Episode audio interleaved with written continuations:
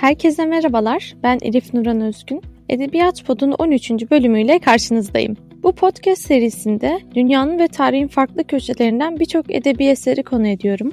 Bu eserlerin benzer yönlerini ortaya çıkarırken bir yandan da edebiyat teorisi ve eleştirisi hakkında bir konuşma alanı oluşturmaya çalışıyorum. Bu bölümde sizlere modern edebiyatta hatta hayatın birçok alanında önemli olan bir tanımdan bahsedeceğim. Kafkaesk'ten bahsedeceğim yani. Kafkaesk'in ne olduğunu, Franz Kafka'yı ve eserlerini anlatacağım. Ama daha da önemlisi bir eseri nasıl hatırlarız onu konuşacağız. Çünkü bence bu nokta çok önemli. Ee, bakalım inşallah beğenirsiniz. Umarım e, güzel bir bölüm olur. Hadi başlayalım o zaman. Bir edebi eseri hatırlamanın elbette birden fazla yolu var. Örneğin bir eserin kurgusunu yani e, hemen burada 11. bölüme dönüyoruz. Edebiyat Pod'un e, iki bölüm öncesine. Yani plotunu e, bir eserin kurgusunu yani plotunu hatırlıyor olabiliriz. Kim kime ne yapmıştı, o adam kimi öldürmüştü, yok bu kadın kimi öpmüştü, olaylar böyle uzar gider. Veya o eserin karakterleriyle e, aramızda bir bağ kurmuş olabiliriz. Bu yüzden de kurguyu unutsak bile karakterler aklımızda kalabilir. Zaten edebiyat tarihinin iyi kurgular üzerine olduğu kadar iyi karakterler üzerine kurulu olduğunu da söyleyebiliriz. Yani Çavdar Tarlası'nda çocukların Holden Caulfield'ını, Gurur ve Önyargı'nın Elizabeth Bennet'ını unutmak mümkün mü? Bence değil. en azından azından ben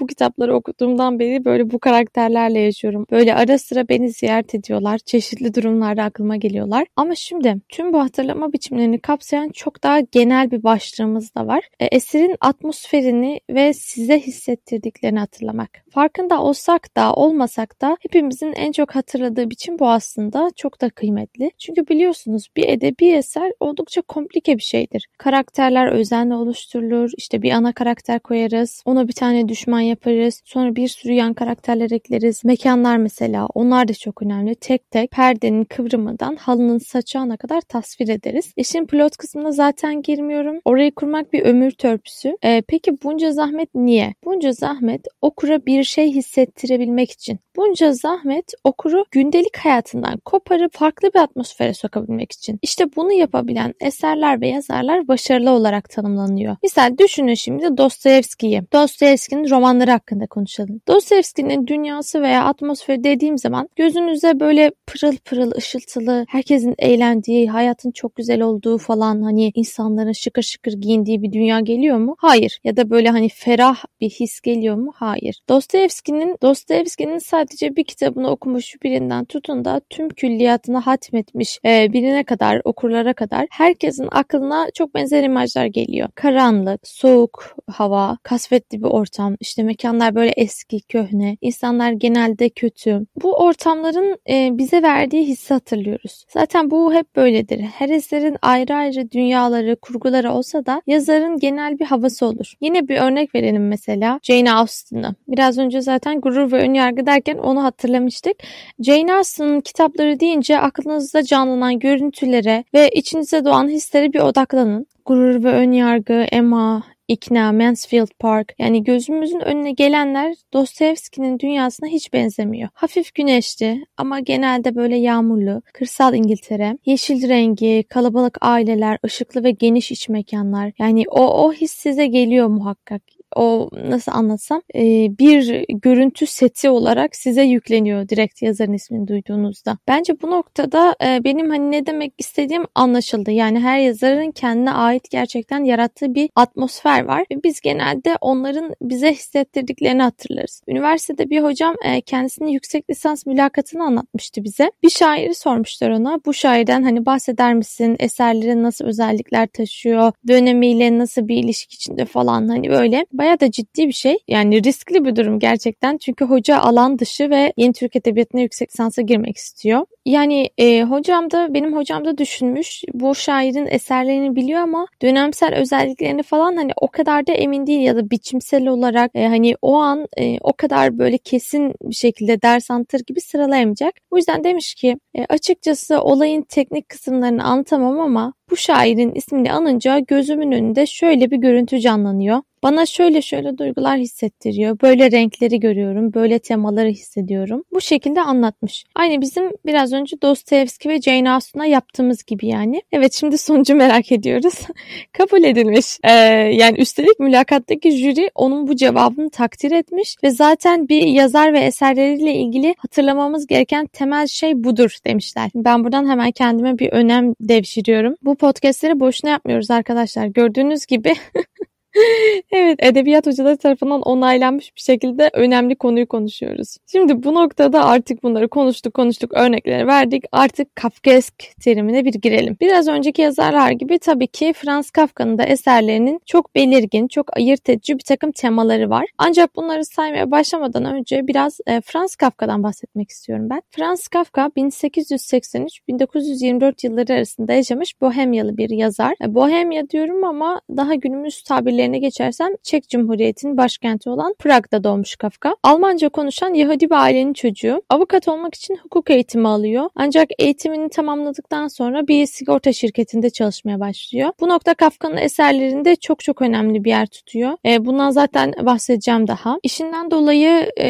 yani bol bol boş vakti olabiliyor böyle bir sigorta şirketinde masa başı iş yaptığı için. O vakitlerini de yazı yazarak geçiriyor. Bu şekilde yazıya olan ilgisi gittikçe gelişiyor. Genel anlamda e, ailesiyle ilgili bir şeyler söylemem gerekirse babasıyla arası çok kötü. Bu onun eserlerinde e, çok öne çıkan bir tema. Hatta Babaya Mektup diye bir eseri de var. Aynı şekilde kendi özel hayatında da dikiş tutturamıyor. Birçok kez nişanlanıyor ama hiç evlenemeden 40 yaşında vefat ediyor. Burada zaten e, Milena'ya mektupları hatırlamasak ayıp olur. Milena'ya mektuplar Kafka ile Milana'nın bir nevi e, aşk mektupları. Ama onlar da zaten evlenemiyorlar. Kitap okumuş olan varsa biliyordur bunu. Şöyle ilginç bir nokta var. E, Kafka'nın eserlerinden sadece birkaçı o hayattayken yayınlanıyor. Onlar da hep böyle edebiyat dergilerinde falan çıkıyor. Çok da ilgi görmüyor açıkçası. Yani şimdi biz mesela Türkiye'nin bir şehrindeyiz. Yani ne Çek Cumhuriyeti'nde doğduk ne Almanca biliyoruz ama Franz Kafka'nca o hani büyük adam öyle büyük bir edebiyatçı falan diyoruz. Franz Kafka yaşarken ona sorsak muhtemelen böyle şeylerin olacağını tahmin edemezdi. Çünkü gerçekten öyle bir üne falan sahip değil o dönemde. Kafka ölümüne yakın e, arkadaşı Max Brod da kendi eserlerini gönderiyor. Yani bu eserler yayınlanmamış ve yarım kalmış eserler, tamamlanmamış eserler. Bunları gönderiyor ve vasiyet olarak bu eserleri yok etmesini istiyor arkadaşından. Mesela hangi kitapların yolu? Dava kitabı burada, Şato burada, Amerika burada. Yani oldukça önemli eserleri de buranın içinde. Ancak Max Brod bu sözü dinlemiyor. evet bu vasiyeti çok da takmıyor ve Kafka öldükten sonra gidiyor ve kitapları bastırıyor. Oradan sonra zaten işler kontrolden çıkıyor. Franz Kafka her geçen gün daha da ünleniyor. Tabi bunlar dediğim gibi ölümünden sonra oluyor. Hatta o kadar ki kendisi 20. yüzyılın en önemli figürlerinden biri haline geliyor. Hani felsefecilerden tutun da edebiyat teorisyenlerine kadar herkesin üzerinde didik didik çalıştığı kitapları e, hani böyle bir entelektüel bir insan olmanın ilk adımı sayılan e, farzlarından biri olan bir yazar haline geliyor. Kafka'nın Yahudi bir geldiğini özellikle belirttim. Çünkü Franz Kafka üç kız kardeşini Holocaust'ta kaybediyor.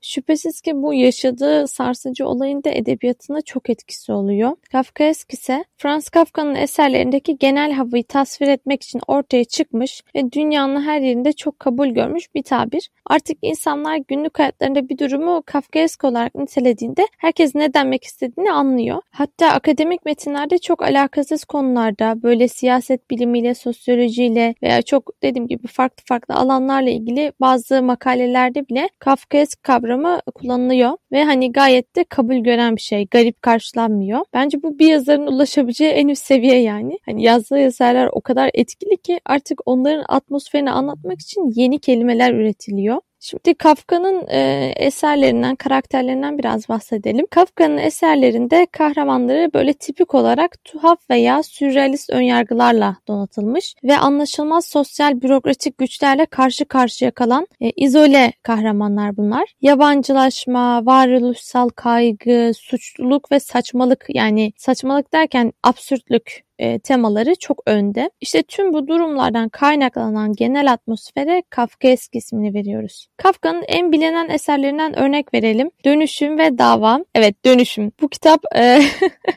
biraz önce dedim ya entelektüel olma, olmanın ilk adımlarından biri, farzlarından biri. Hani bu kitap gerçekten çok e, efsane bir şey. Çünkü biliyorsunuz bir entelektüel olmak vardır bir de entel olmak vardır. Entel olmaya çalışanlar ya da işte entelektüel gibi görünmeye çalışanlar da muhakkak dönüşüm kitabını alırlar, okurlar. Ortamlarda derler işte Kafka'nın dönüşümü. Hani böyle bu artık kalıplaşmış bir şeydir ya Kafka'nın dönüşümü. Ona hakkında yorumlar yaparlar falan. Bir espri haline dönmüş bir şey ama e, gerçekten kitap güzel yani. Evet herkes okudu diye e, kitabın hakkını yemeyeceğiz. Dönüşümde biliyorsunuz ki bir baş kahraman var Gregor Samsa. Hatırladığım kadarıyla böyle bir devlet dairesinde veya hani onun gibi çok sıkıcı ve bürokratik işler yapan bir kurumda çalışıyor. Bir sabah kalktığında işe gitmek için bin, bineceği treni kaçırdığını fark ediyor. Çalar saatini duymamış. Biraz sonra ise vücudunun değişmiş ve bir böceğe dönmüş olduğunu görüyor. O meşhur kitabının ilk cümlesini de okuyayım hatta. Gregor Samsa kabuslarla dolu düşlerden uyandığı bir sabah kendini yatağında böceğe dönüşmüş olarak bulur. Evet kitabın devamında aile bireyleri bu durumu öğreniyor. Hatta patronu eve gelip hani neden bu adam işe gelmedi diye sinirleniyor. Fakat sonra onun bu halini görünce böcek halini ondan korkup kaçıyorlar. Aileden sadece kız kardeşi